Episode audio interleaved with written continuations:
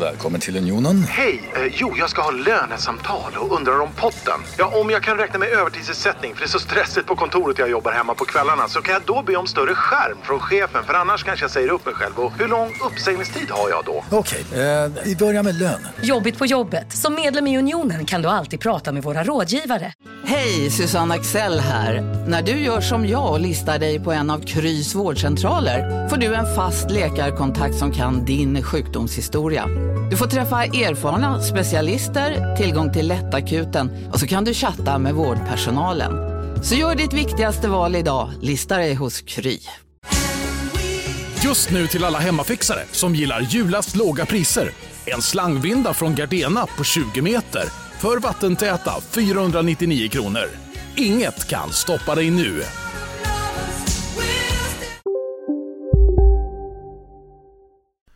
Vill du lyssna på fler poddar efter dagens avsnitt kan du alltid ta och lyssna på Skarpt Podcast som handlar om djupare och samhällskritiska frågor och även på Magic Monday ifall du vill höra något lite mer spirituellt. Vill du veta mer besök gärna deras Instagram skrpt.se och magicmonday.se. Nu börjar Spökpodden.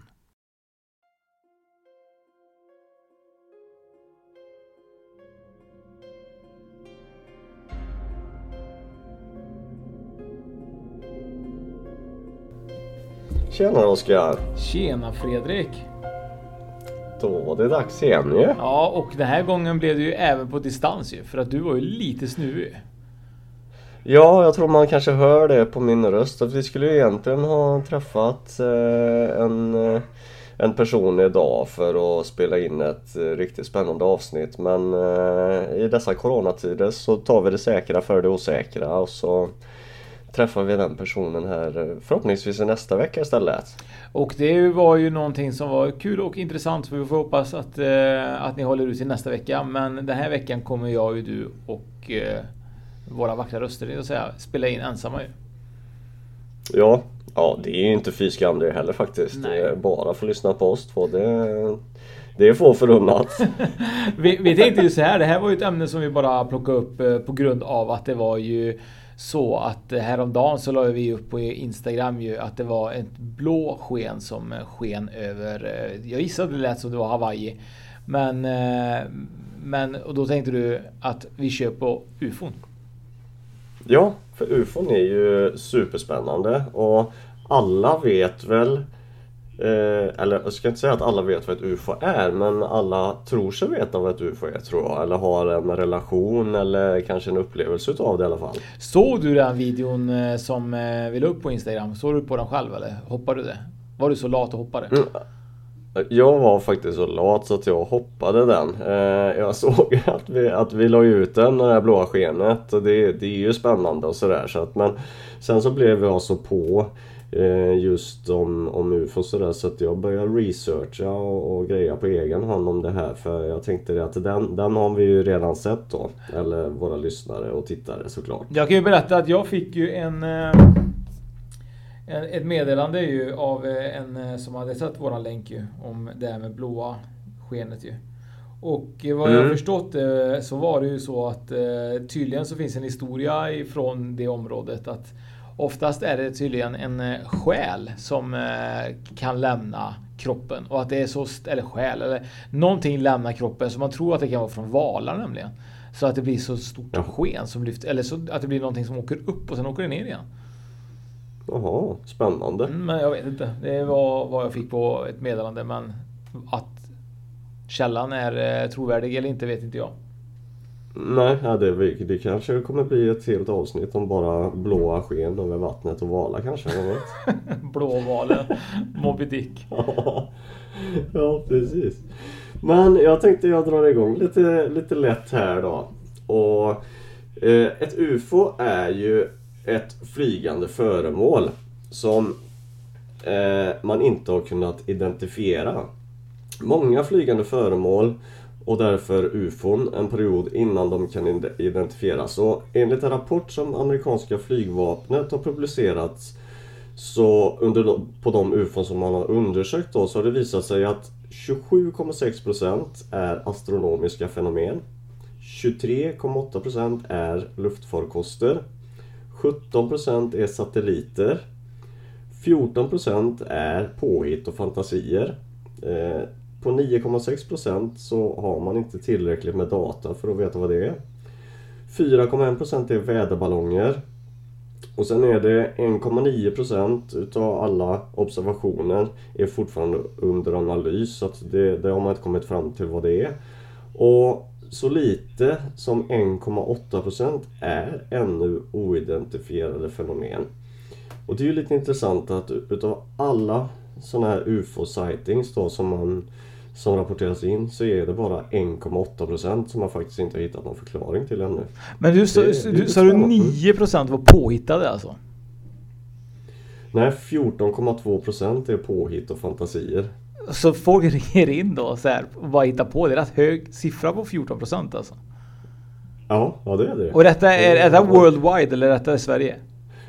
Ja, nej, detta är ju enligt den amerika amerikanska flygvapnet som har publicerat. Okej. Eh, eh, och sen, jag vet inte, USA de har ett finger med eh, i hela världen kan jag tänka mig. Så att, eh, men eh, ja, det är väl på, på, den, eh, på den sidan kontinenten då tänker jag kanske mest.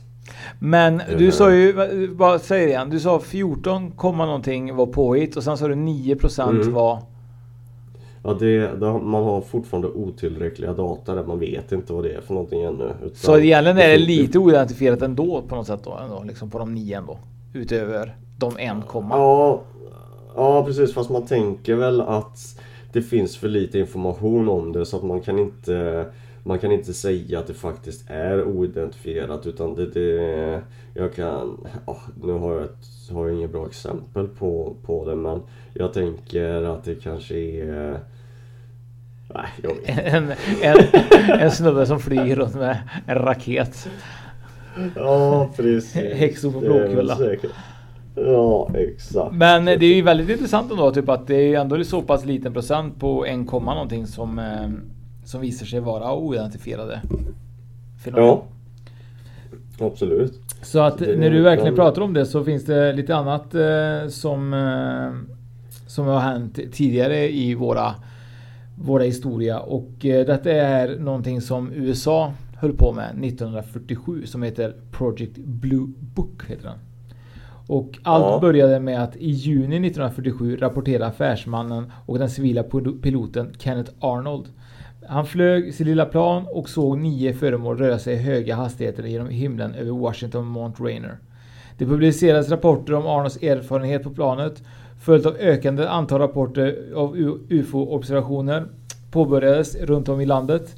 USA Air Force One började inleda en utredning och, om observationerna och den kallas för Operation, Operation Science 1948. Men då var det så att den första utredningen resulterade att det bildades även ett projekt då på grund av att de tyckte att det här var så mystiskt och då kallade det här projektet för Project Blue Book som påbörjades 1952. Projektet blev det längsta av alla utredningar i amerikanska regeringen av den officiella undersökningen om UFO-observationer observationer och samtal, samställdes mellan 1952 till 1969. Så det pågick då under 17 år. Project Blue Book sammanställde totalt 12 618 UFO-observationer eller relaterade händelser. Blue Book sammanställde totalt att visade sig att totalt av alla de här UFO-observationerna var 90% som var identifierade. Vilket betyder att det orsakas orsakades av ett känt astronomiskt eller atmosfäriskt eller konstgjort fenomen. De återstående 700 incidenterna förblev oidentifierade. Dessa inkluderar fall där det inte fanns tillräcklig information för att tilldela händelsen för att ha en känd orsak. Då. Så att 10% av alla de här fallen blev oidentifierade. Då. Så totalt 700 då, under de här 17 åren. Ja, så de, det, det, det går ju lite hand i hand med de siffrorna som jag precis läste upp också där att det är ju närmare 90% utav dem, där, där vet man ju också att, att det faktiskt inte är någonting. Och så de sista 10 där eh, så är vissa fortfarande oidentifierade, det är några som är under analys och så vidare och så vidare så det, det ligger nog någonting i det där.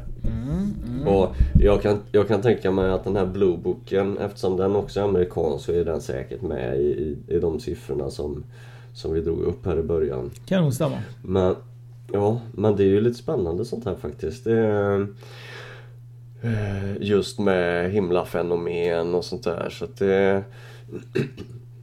Ja, apropå det så eh, har det ju faktiskt... Eh, de har tagit fram en ny specialstyrka i USA som har fått i uppdrag att titta närmare på UFOn. Eh, och syftet med den här specialstyrkan är att upptäcka, analysera och registrera oidentifierade flyg, flygande fenomen då, som kan utgöra ett hot mot den nationella säkerheten.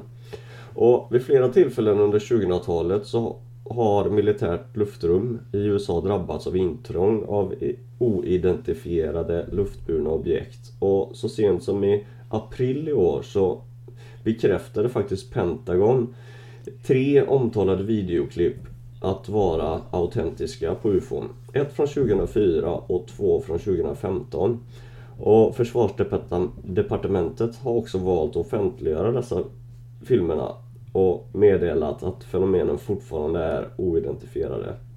Och det här har jag hittat i en artikel från 29 april, i, ja inte i år då, nu har vi ett nytt år, men 2020. Eh, och de ligger ju faktiskt ute de här filmerna och Pentagon har eh, bekräftat att de är äkta. Och det är ju lite spännande faktiskt. Mm. Eh, men samtidigt så när man tänker att, jag menar, vi bor på lilla jorden och vi har ju, vi bor väl i Vintergatan va, det är våran galax va. Och hur många hundra miljoner galaxer till finns det i universum? Så att det hade ju varit väldigt märkligt om vi var ensamma. Tycker, tror, tycker du inte det? Jo, alltså man säger ju egentligen att det finns mer stjärnor än vad det finns sandkorn på, på jorden. Det är det jävligt intressant tycker jag. Ja, för vi har ganska många sand. vi har ju verkligen det. Men det som är intressant och det du säger är att jag kollar ju på Claes Svahn är ju vad är han, ordförande eller vad man kan säga för UFO Sverige. Och eh, ja. han berättar ju om just den här incidenten som hette 2015. Det var några piloter som eh, fick, fick syn på en oidentifierad föremål och filmade det med sin eh, med sitt flygplan. Med sin, jag vet inte vad jag ska kalla det, JAS-plan eller vad jag ska kalla det, krigsflygplan. Liksom. Mm. Och ja. eh, den videon har ju florerat på Aftonbladet, Expressen och alla de här nyhetsgrejerna. Och han berättar ju Claes Svahn då. Han, säger, han, tycker, han tycker det är intressant ändå att de på något sätt ändå går ut och godkänner och säger typ att nej men det här känner vi inte till. Vi vet inte vad det är men vi ska verkligen ta reda på det. För det är verkligen någonting som de förstår att det är någonting som inte stämmer. Eh, och ja. eh, det som han säger är ju att eh, det är ju väldigt vanligt att stridspiloter får syn på sånt där. Han, han, har ju varit i kontakt med många svenska stridspiloter som berättar saker som de har sett och berättar för sina fruar. Men de vågar inte berätta det för militären för då blir de frågesatta som piloter. Och säger naturligtvis så här, men är han dum i huvudet eller har han verkligen sett det här? Är det säkert att han ska vara pilot för han kanske är knäpp liksom. Eh, så att eh, det finns ja. ju svenska piloter som har tydligen sett saker som har bara flugit förbi och så bara rätt ut i rymden och inte kommit tillbaka liksom.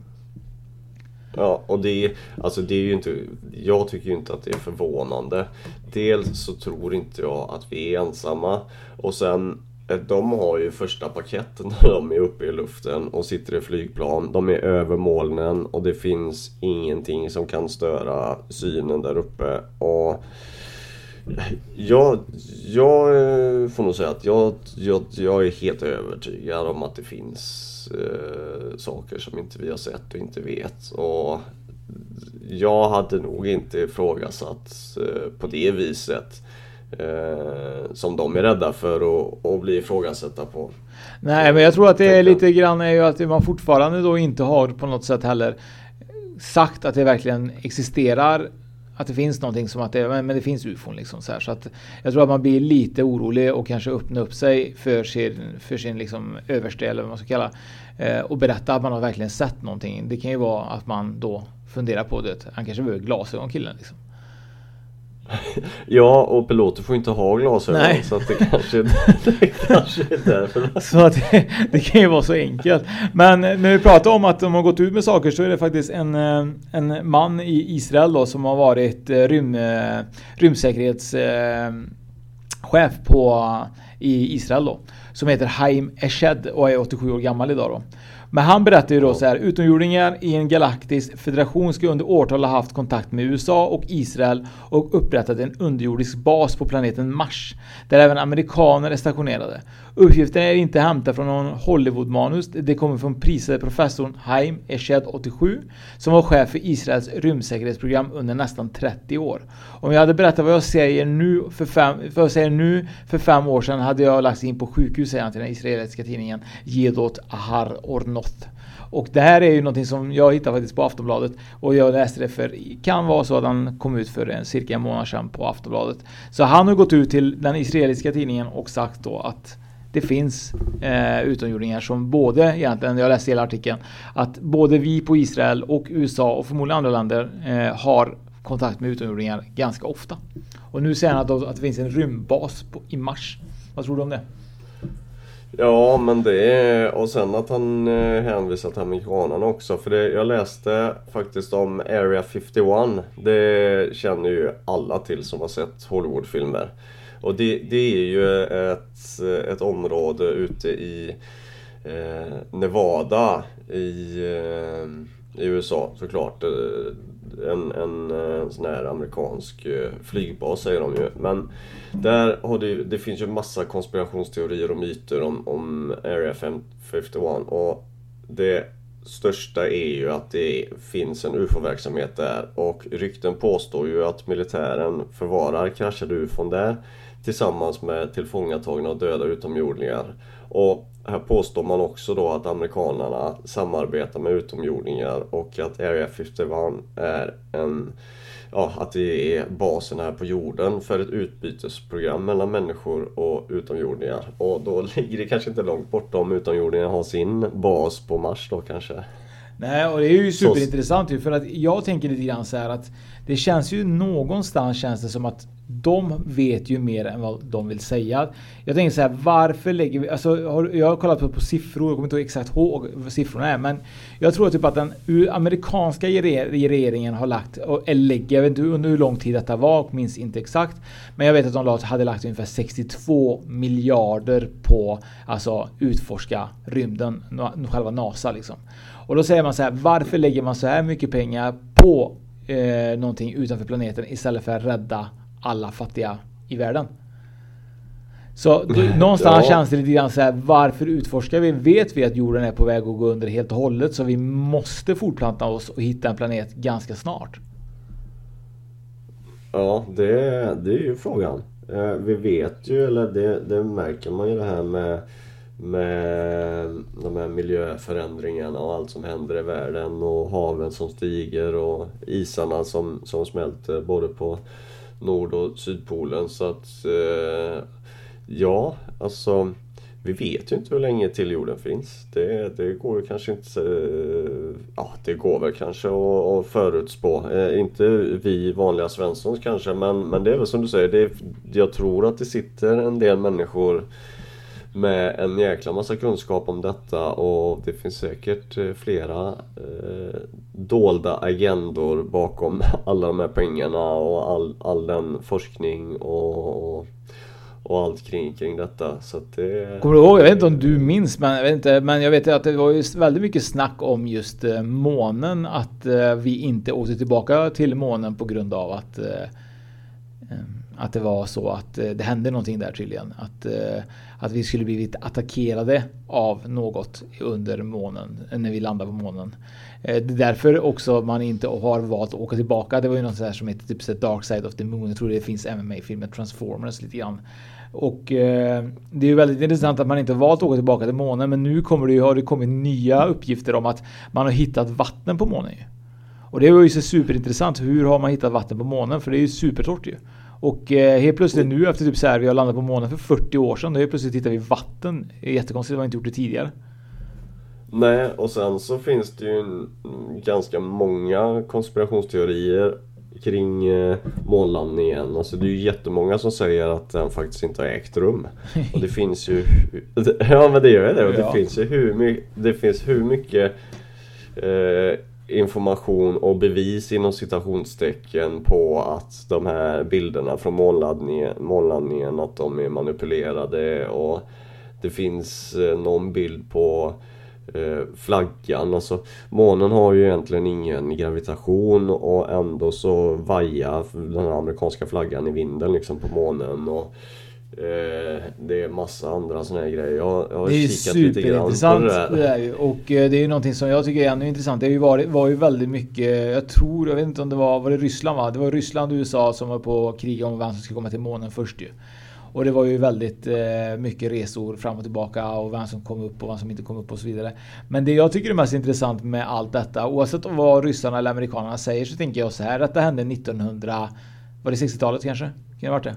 Ja, var det 63, 64? Ja, om man Jag då kollar, om man 60. kollar egentligen på hur datorn var utvecklad 60-talet. Det var ju typ så här. Det var ju knappt några datorer. Så jag tänkte så här, hur kunde man då styra en rymdraket till månen? Om man hade typ så här, typ inte ens närheten av tekniken vi har idag. Nej, nej det, är, det är en bra fråga. En väldigt bra fråga. Och just det och jag menar det tar ju lite mer än en kvart eh, att att ta sig till månen och man, ska, man, man ska landa där och man ska ha luft och man ska ha all utrustning och hela den här biten Eh, för att ta sig dit och sen så ska man landa där och så ska man gå där och ja, det är mycket som ska klaffa och okej att eh, vi människor är smarta och intelligenta och det, inte minst nu då, det ser man ju utvecklingen har gått de här senaste 20 åren, 30 åren, alltså den går ju en rasande fart men men det är ju intressant. Men det är ju lite intressant när du säger den här utvecklingen på 20 åren. För att eh, jag älskar ju att läsa såna här eh, konspirationsteorier och lite så här grejer som fastnar ibland när man läser det skumläser saker eller lyssnar på YouTube eller såna grejer. Så blir det så här att om man tänker egentligen hur utvecklingen har skett den senaste typ Säg då, säg nu från eh, år 2000, 99, du vet, alltså när du hade din första dator som verkligen fungerade hemma. Det var ju egentligen, det var ju egentligen på 90-talet som många började skaffa sig en vanlig dator hemma. Eh, ja, det var det ju. Ska vi se här. Jag... Många skaffade, kommer du ihåg, jag kommer du ihåg att många skaffade typ datorer? Vet, jag hade föräldrar och så vidare som jobbade på Saab och så. De skaffade datorer via sitt arbete för man fick betala en typ månadspengar för sin lön för att få en hemmadator liksom. Ja, jag kommer ihåg den första datorn som min farsa köpte till, till oss, eller första PCn. Och det här var, jag tror att jag gick i åttonde klass eller något sånt där. Sjuan, vad är man då? 15 eller? Ja, det är man säkert. 13 om man går i sjuan, men vad fan. Det... när var, men då- då- detta? För, för, då var ju det här typ 88, 89. Ja, däromkring. Det är typ början 90 typ. Mm. Som folk och börjar skaffa blir- sig. Ja, men då, alltså den datorn den kostar ju över, jag tror den kostar 25 000 och det var en monokromskärm liksom. Det var en svartvit skärm Mm. och det var, jag kommer ihåg, jag tror det var 64 kilobyte RAM-minne på den Ja, datorn. jag tänkte då att du fick en diskett då, så fick du plats med 8 megabyte och en bild du tar med din telefon är ju ofta större än 8 megabyte. Ja, ja. Så ja, menar, det är ju helt sjukt alltså. Och det är det här som jag tycker är så superintressant. För jag menar, vad har hänt egentligen sen? Hur blev vi så utvecklade på så kort tid? Man tänker så här, ja vi har funnits i flera tusen år, vi har utvecklats sakta men säkert har vi utvecklats och vi har kommit på nya saker som glödlampan, allting som, som har med teknik att göra. Men helt plötsligt de senaste Ja. 20 åren, då har vi typ helt annan teknik än vad vi någonsin haft. Har vi fått den från någon eller har vi verkligen bara blivit så supersmarta längs vägen liksom? Nej, men vi har ju fått en, det finns ju en, en uh, UFO-bas på Mars och så har vi en på Area 50, 51. Så det är klart att vi måste ha fått hjälp. Ja. Det, det, det, kan ju inte finnas något annat svar på det här eller? Nej, jag vet inte. Jag har ingen aning. Jag, jag tycker bara typ att nanoteknik till exempel är, ju, är ganska nytt och det är helt jävla otroligt tycker jag. Och, och man, eh, idag så är ju, vet du, själva coronavaccinet är ju tillverkat av nanoteknik. Det är ju se till att din egna eh, gen manipuleras av nanoteknik så att du skapar ett botemedel mot själva eh, coronan, eller covid då. Och eh, det är ju på grund av mycket tack vare nanotekniken som har lyckats, man har lyckats med det. Men, eh, men det är ju sånt som man egentligen tänker. Nanoteknik är ju egentligen, det handlar egentligen om en blandning av teknik och eh, forskning och så vidare. Så det, jag, tycker det är superintressant med, med, med forskning och sådana här eh, tekniker, vad ska man kalla det? Liksom så här elektroniska typ, eller vad ska man kalla det? Någonting som inte har med vanligt med eh, att det är typ, vad heter det?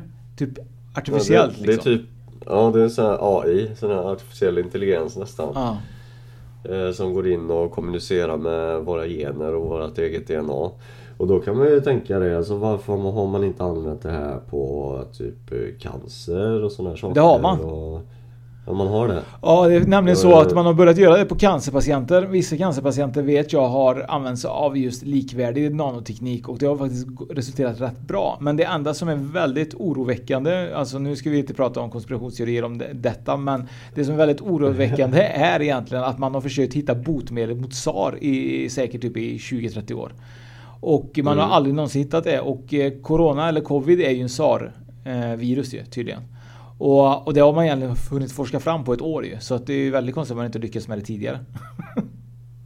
Ja, men jag tror att det handlar nog mycket också om resurser och pengar och nu är ju hela världen är ju insyltad höll jag på att säga men är inblandad i det här med, med Covid och alla vill ju få ett slut på det så att när man samlar världens eh, alla regeringar och de, de, de bästa eller duktigaste forskarna och så och eh, gemensamt försöker komma till mål, det är klart, då går det ju fort. Det är tur att det går fort för de som vill ta sprutan. Men åter tillbaka till utomjordingarna då, tycker jag. Mm, ja, Vi får släppa här med coronasprutan nu. Men, men det som är intressant är ju att, eh, jag vet inte om du känner till dem, men jag tycker det här är ett av de mest intressanta sakerna som har hänt som jag har läst och jag gärna följer, men jag känner någonstans att det här har dolts och det döljs och det är ingen som riktigt vill röra vid det. Och det är den cirkeln på Östersjöns botten. Känner du till den? nej det gör jag faktiskt Nej, hur kan du ha missat den ju? Ja, det... Det här är ju någonting som var med, detta var ju någonting som var med även, eh, jag vet att Agneta Sjödin hade med detta på Nyhetsmorgon när det var eh, många år sedan, 2011 och sånt där. Och eh, det är ju nämligen så att eh, segern på Östersjön, om man inte har kollat det så måste man gå in och kolla på dem, Ocean X Team heter de, och följa dem. Men de får ju inte säga för mycket heller. Men segern på Östersjöns botten, alltså som man kallar även Östersjönsmysteriet, syftar oftast att det är det runda föremålet man har hittat på Östersjöns botten. Och det hittas av vrakletaren Peter Lindberg från arbetsgruppen Ocean X Team. Och vanligtvis letar de efter vrak och vinflaskor och lite sånt ju. Men de hade ju då gjort så att att de hade åkt över och hittat någonting och sett någonting mystiskt under vattnet. Men de hade åkt vidare men de hade lagt det på minnet och kartan och lagt in alla de här, vet du? Ehm, de här siffrorna, vad kallar man dem? eh, ja. Eller hur? Eh, Ja, du vet vad jag menar. Alltså, ja, ja, jag vet vad du menar. eh, Ni vet också vad jag menar. Ja, eh, Longitud och Ja, latitud. precis, precis. Eh, så den eh, 19 juni 2011 11 tog gruppen en sonarbild föreställande föremålet. Bilden fick stor spridning i både svensk och utländsk media, där fyndet också fick smeknamnet UFO i Östersjön. Mycket på grund av sitt formmässiga likhet med rymdskeppet Millennium Falcon från filmen Stjärnornas krig. Har du hundar eller? Ja, Ja, jag har det. Eh, Ocean Ja. X-Team har gjort fortsatta expeditioner och publicerat efter bilder då. Och eh, det, det som är så intressant är ju att eh, man vet ju inte vad det är. Och eh, om man kollar på den här dokumentären eller det här klippet då som de, som de har lagt ut och det som är på Nyhetsmorgon så är det ju också så att den har ju tydligen eh, sju konstiga hål i sig som är superrunda. Och eh, man vill ju komma in där men man har inte lyckats komma ner in än. Men det roliga är att det också kommer ut en slags signal ifrån det här. Som de försöker få ut var, var, var, var det kommer ifrån ifrån det här föremålet då. Och, Men var det en radiosignal? Ja, då? något, något likvärdigt då. Och Ja. eh, de får inte säga för mycket och eh, när de hade gått ut med den nyheten vet jag att även att den ryska och den amerikanska helt plötsligt regeringen hade tydligen en övning i, i närheten när de fått nys på den men de visste nog inte exakt vart det var. Men de kan inte skydda sig mot det för de- folk kan ju åka dit och göra det de vill. Eh, men de letar ju efter pengar så att man ska kunna ta reda på vad det är men det är konstigt nog är det ju inget land som vill gå in och eh, ge pengar. Jag vet att de hade ett tag hade de vet jag Israel som var lite intresserade. Jag vet inte hur det gick med det. Men, eh, men det är väldigt intressant och det var det som var roligt är att om man kollar på deras Facebook då så finns det en video som är typ 20 minuter som visar ännu mer information om vad de har kommit fram till att vissa saker är tydligen inte gjorda är inte gjorda av själva naturen. Det verkar vara antingen man-made eller gjorda av något annat då. Och i slutet av den här dokumentären, så, eller den här i Nyhetsmorgon, då säger han till Agneta Sjödin typ så här att... Så säger han, ja men ska ni gå dit igen då? Säger han till en av de killarna. Och han bara, ja jag får se, vi får hoppas att den inte flyger iväg, säger han då. Så han mer eller mindre typ tror själv att det är ett, ett UFO då. Ja, jag tror det ja. Mm. Det, det, den, den är inte man-made utan den är alien-made. Ja, någonting är det ju. Ja. Men det är ju superspännande. Hur kan jag ha missat det här då? Det har ju varit Det, superstort. det, det begriper jag inte. Östersjöns cirkel, den ska jag in och Cirkeln kolla på på Östersjöns direkt efter vi för... Mm. Nej, superintressant faktiskt. Ja, verkligen. Och det, sånt här, det, det finns ju säkert sånt här eh, på alla platser i världen och det är ju, jag tycker det är så jäkla intressant just det att man inte kan förklara det. Det finns där och det är... Hej, Synoptik här. Visste du att solens UV-strålar kan vara skadliga och åldra dina ögon i förtid? Kom in till oss så hjälper vi dig att hitta rätt solglasögon som skyddar dina ögon. Välkommen till Synoptik. Dåliga vibrationer är att skära av sig tummen i köket. Ja! Bra vibrationer är att du har en tumme till och kan scrolla vidare. Alla abonnemang för 20 kronor i månaden i fyra månader. Vimla! Mobiloperatören med bra vibrationer. Upptäck hyllade XPeng G9 och P7 hos Bilia. Våra produktspecialister hjälper dig att hitta rätt modell för just dig. Boka din provkörning på bilia.se xpeng redan idag. Välkommen till Bilia, din specialist på XPeng. Här verkar det faktiskt också vara något, något, något tekniskt bakom och det jag tycker det är ruggigt spännande. Och det ruggiga är ju att det finns ju tydligen, den ligger ju som att den har typ hamnat uppe på en liten kulle typ så att det är halva utanför typ så här. Och bakom den tror jag att det är 11 kilometer eller, eller om det är 1100, jag vet inte hur mycket det är eh, exakt då. Men det ser ut som att det är typ spår, som att den har liksom kraschlandat för det har blivit så här fördjupning i själva botten. Som att det har liksom så här glidit om man säger så då. Ja. Eh, och, och det är ju lite sånt som är superintressant för man vet ju inte riktigt vad, vad, vad det är och varför. Om det är någonting eh, från tidigare sak. Typ om det är en ubåt som har kanske liksom kraschat eller det, man har ju inte riktigt 100% fått svar på den. Nej, men hade det varit det då hade man väl säkert Då hade väl säkert marinen gått in och sagt att Det står- nej, men här Jag kan säga vad det står, Ja. beskrivningen på den i alla fall. Ja. Enligt Ocean X-Team ligger föremålet på 85 meters djup och har en diameter på ungefär 60 meter. Den reser sig till 4 meter från botten och har en form som liknar en svamp med rundade kanter. Ena ritningen från föremålet visar mönster i botten som liknar släpspår. På ytan har man på en plats hittat en rund slät utbuktning och på ett annat ett mörkt hål. Ovanför föremålet ligger en plats, en ring av lösa stenar. Dykarna har även vittnat om att delar av föremålet ser ut att ha varit flytande och sedan stelnat. Martin Jakobsson, professor i maringeologi och geofysik vid Stockholms universitet, tycker att utifrån bilderna i materialet ser det ut som sandsten. Men det roliga var att den sanden och de stenarna de kunde hitta som de hade fått upp eh, från det här så var det tydligen stenar som inte, jag tror inte, jag vet inte om det var kalksten, det var någon slags sten som var typ, och det kanske var sandstenen, som inte finns oftast i Östersjön som man aldrig påträffat tidigare.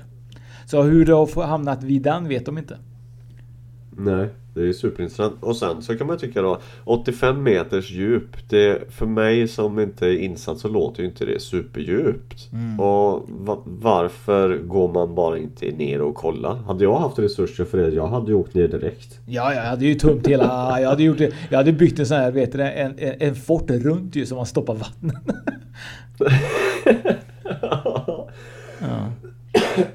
Nej, det är, när, vi, när vi vinner miljoner här på framöver på, på eh, Triss eller något sånt där. Då, då ska vi åka ner till Östersjöns botten till 85 meters djup och ta reda på det här Oskar. ja, jag tycker vi ska göra det faktiskt. Det låter som en Mm. jättebra idé. Har du Det något annat kul lite- att berätta då Fredrik? Jo men jag har det faktiskt. Det är eh, Miley Cyrus, vet du vem det är? Ja, jajamän. eh, Wrecking Ball. Ja, precis. Popstjärna. Hon säger sig ha sett ett slags UFO på himlen. Och hon är nästan till övertygad om att det hon såg var på riktigt.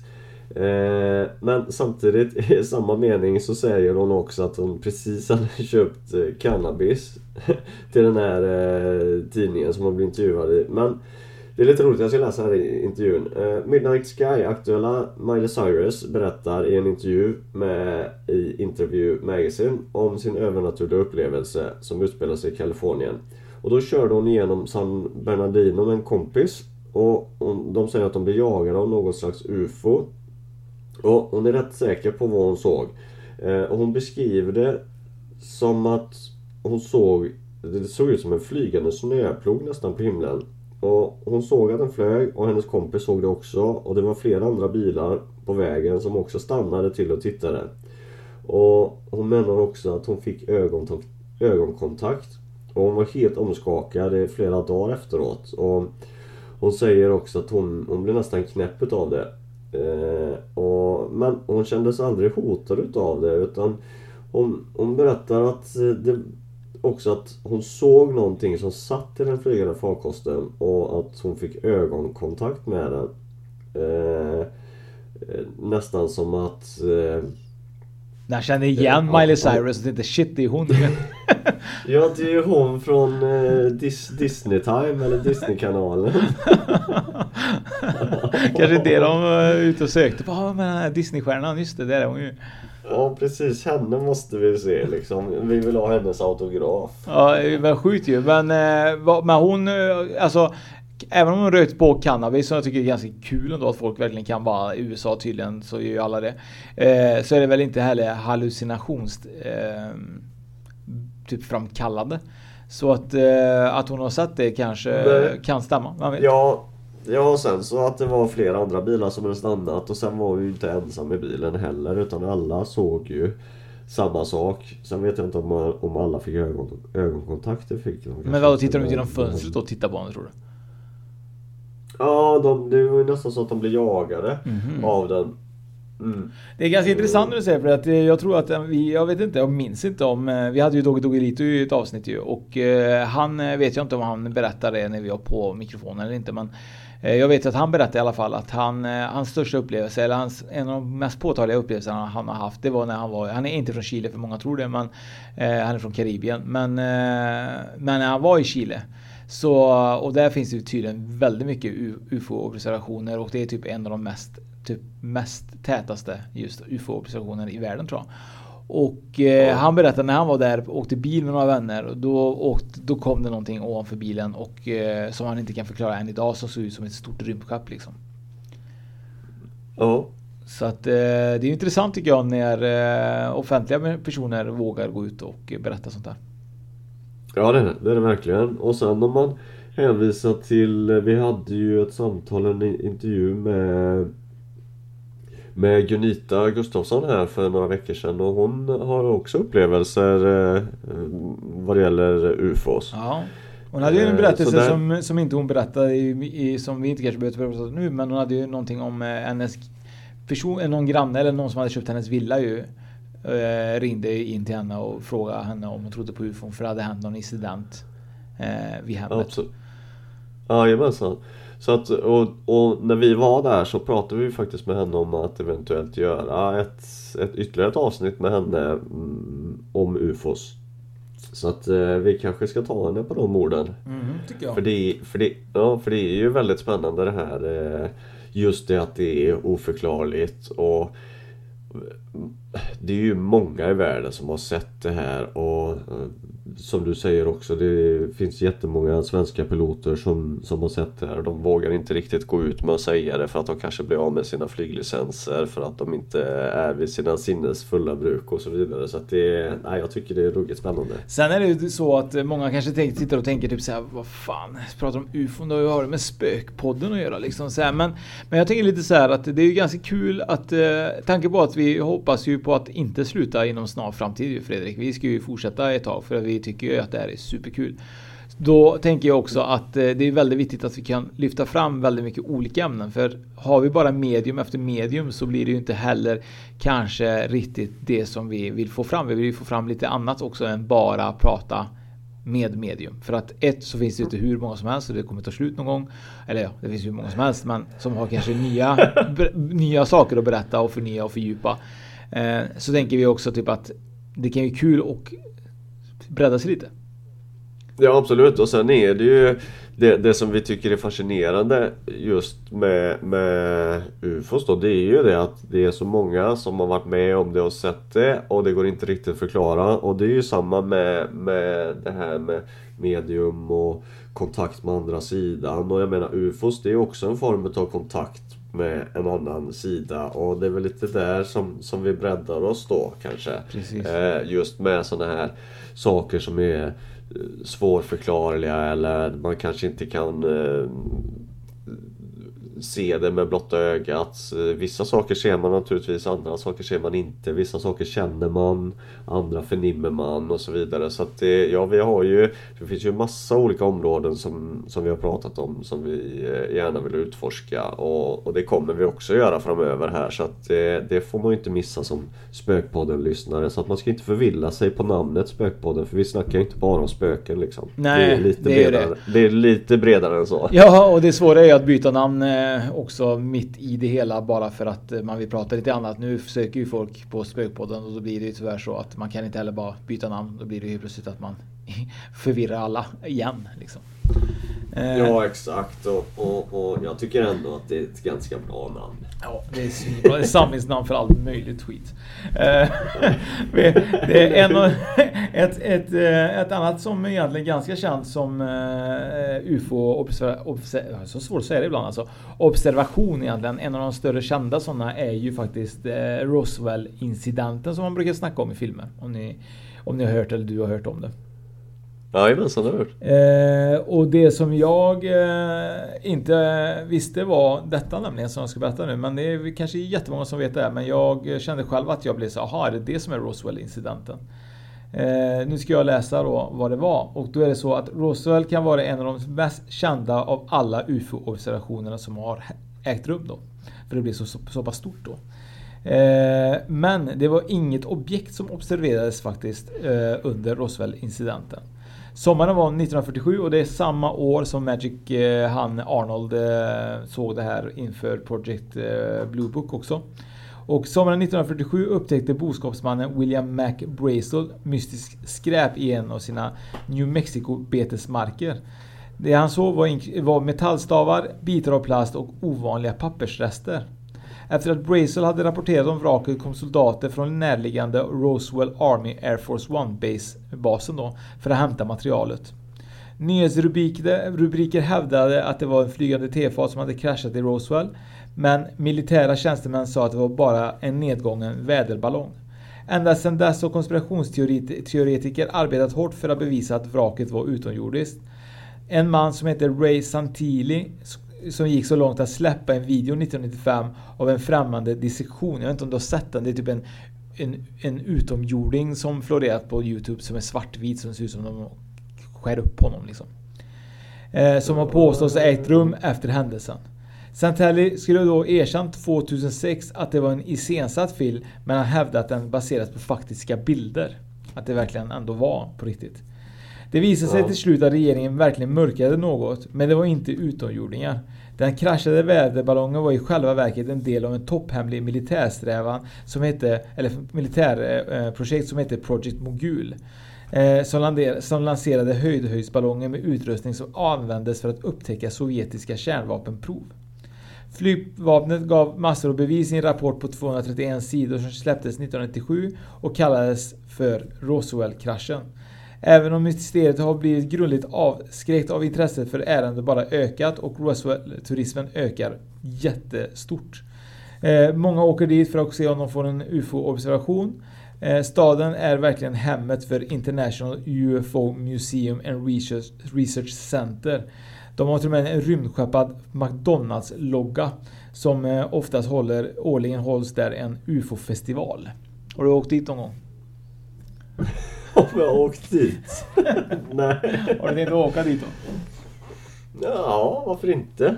Det hade ju varit häftigt. Faktiskt. Det är Men- superintressant är det ju. Ja, det är det. För det är, ju- 1987 så publicerade man en, eh, ett dokument som kallades för Majestic 12. Ja. Och det, det påstås ju vara ett utkast eh, eller koncept och kopior på de här hemliga, hemligstämplade dokumenten eh, från just Roswell-incidenten 1947.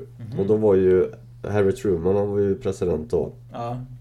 Och, och USAs försvar, försvarsminister då, James F- Forrestal skapade den här, en hemlig organisation med Stick 12 för att hantera utomjordingars ankomst på jorden.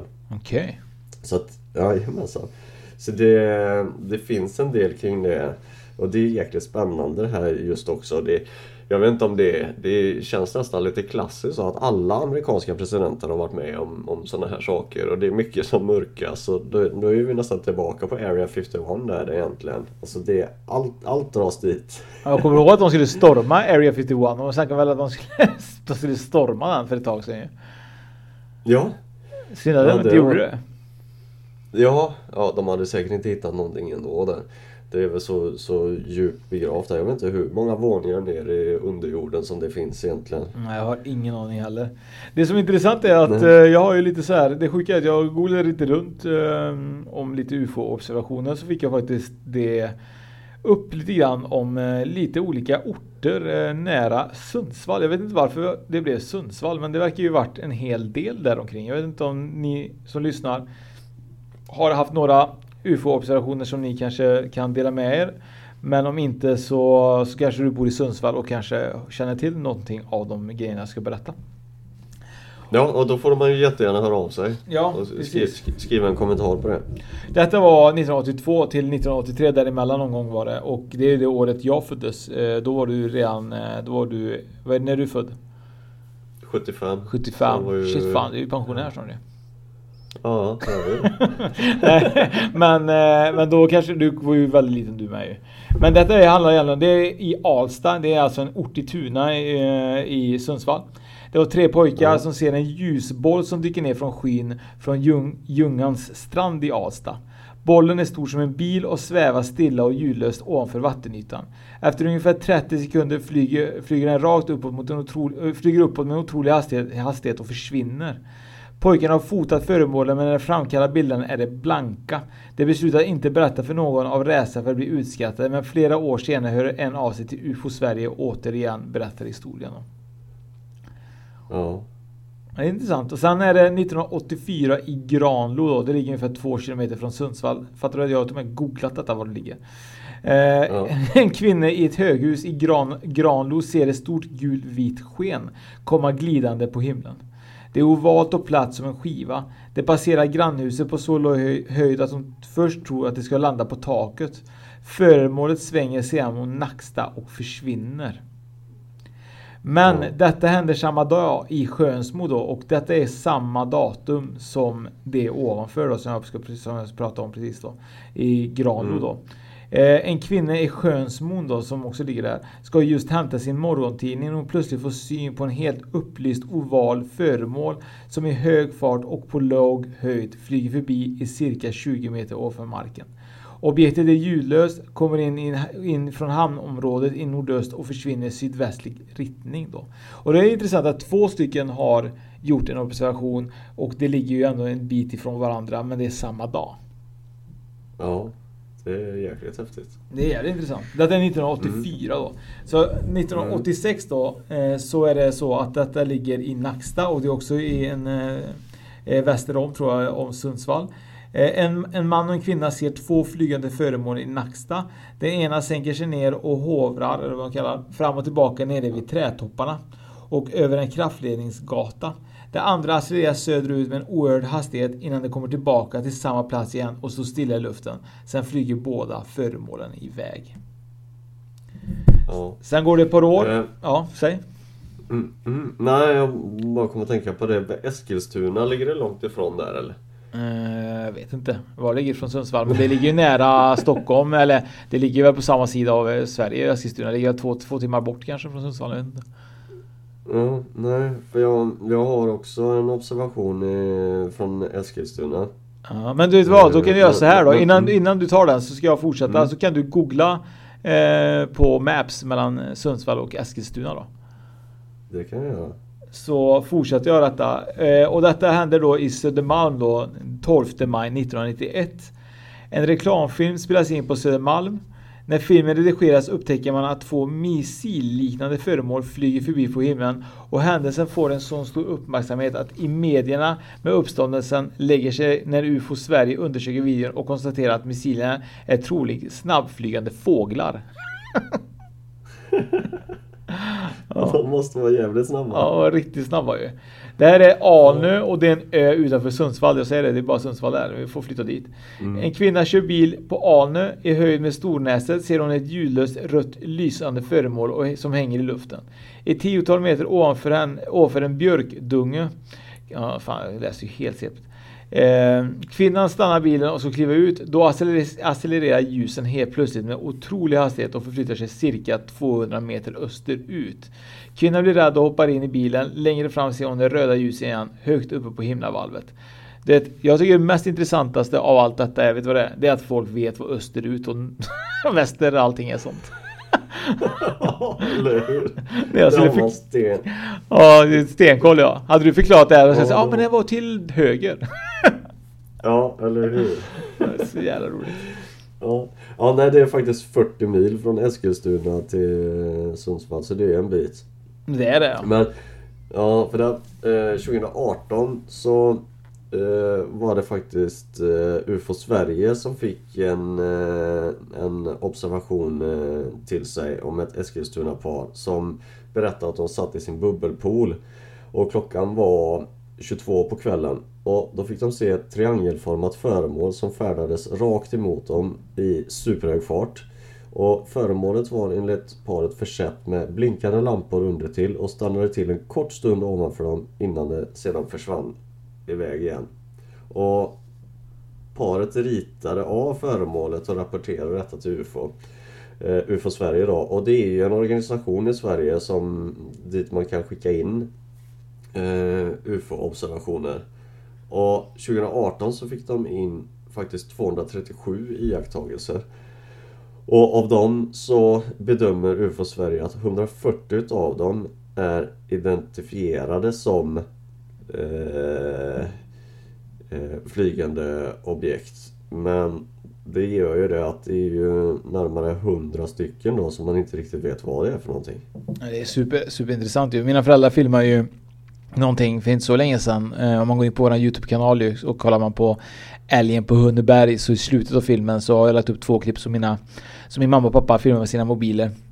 Som verkligen är Ja. oidentifierat och eh, jag vet inte alls om man borde skicka in det kanske till UFO Sverige men det är lite svårt för att jag vet inte exakt eh, datum på när det filmades eh, och om de behöver ha det superfärskt men det är väldigt intressant för att det är verkligen något skumt föremål som, eh, som ligger och flyter i, i, i himlen på dagsljus då. Ja, men det borde ju finnas en sån tagg i filmen vilket datum den är inspelad eller om de har spelat in med Ja, det står väl på det mobilen säkert också. Ja. Det kanske man ska ta och göra och kolla ju. Ja, det tycker jag. Jag vet ju att vi har ju varit eh, i kontakt med kassören vet jag från UFO Sverige. Eh, som jag träffade när jag var på Terry Evans. Han var ju där samtidigt och han lyssnade, roligt var han lyssnade på podden också. Och han bara, "Ja, men jag lyssnar på dig och det så han bara, vi, vi vill jättegärna ha att ni kommer till eh, när vi har, eh, jag vet inte vilket jubileumsår det var men de hade något så här. Som de skulle ut och visa massa sådana här filmer och de hade en jättestor jubileumsfest. Men då blev ju Corona då. I detta var väl maj Ja. tror jag. Så det blir lite inställt så vi kanske ska försöka se om vi kan få tag i UFO Sverige och kanske spela in ett avsnitt. Ja, men det får vi göra. Det tycker jag. För de, eh, jag var faktiskt inne på deras hemsida också och kikade lite här inför researchen här och det är, det är ju en ideell organisation som bildades 1970 så de har ju funnits ganska länge faktiskt.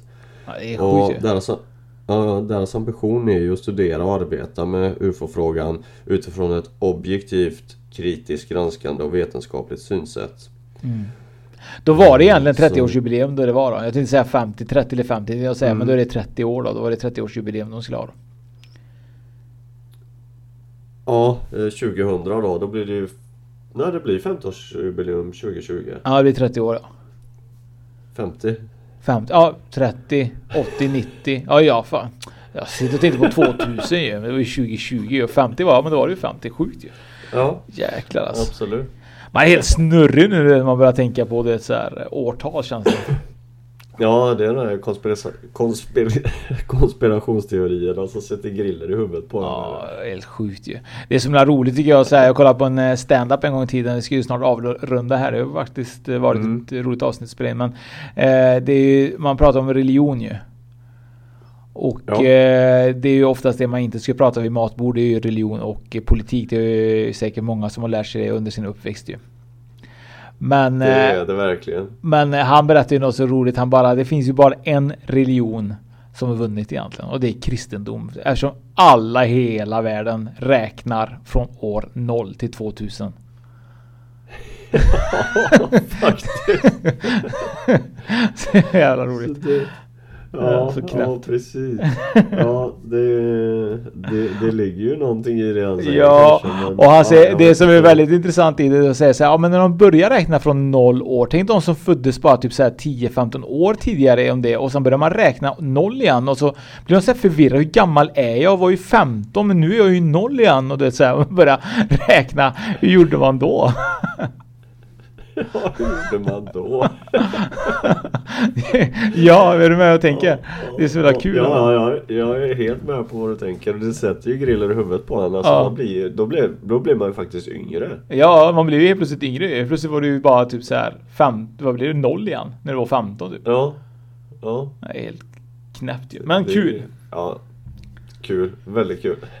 Ja, vi vet, det var ju vårt andra distansavsnitt. Vi släppte ett bonusavsnitt ju i veckan som jag hoppas att ni tyckte var intressant. Och eh, det här var ju inget bonusavsnitt, men det var ett vanligt torsdagsavsnitt. Men eh, som sagt, eh, lite annorlunda än, än spöken.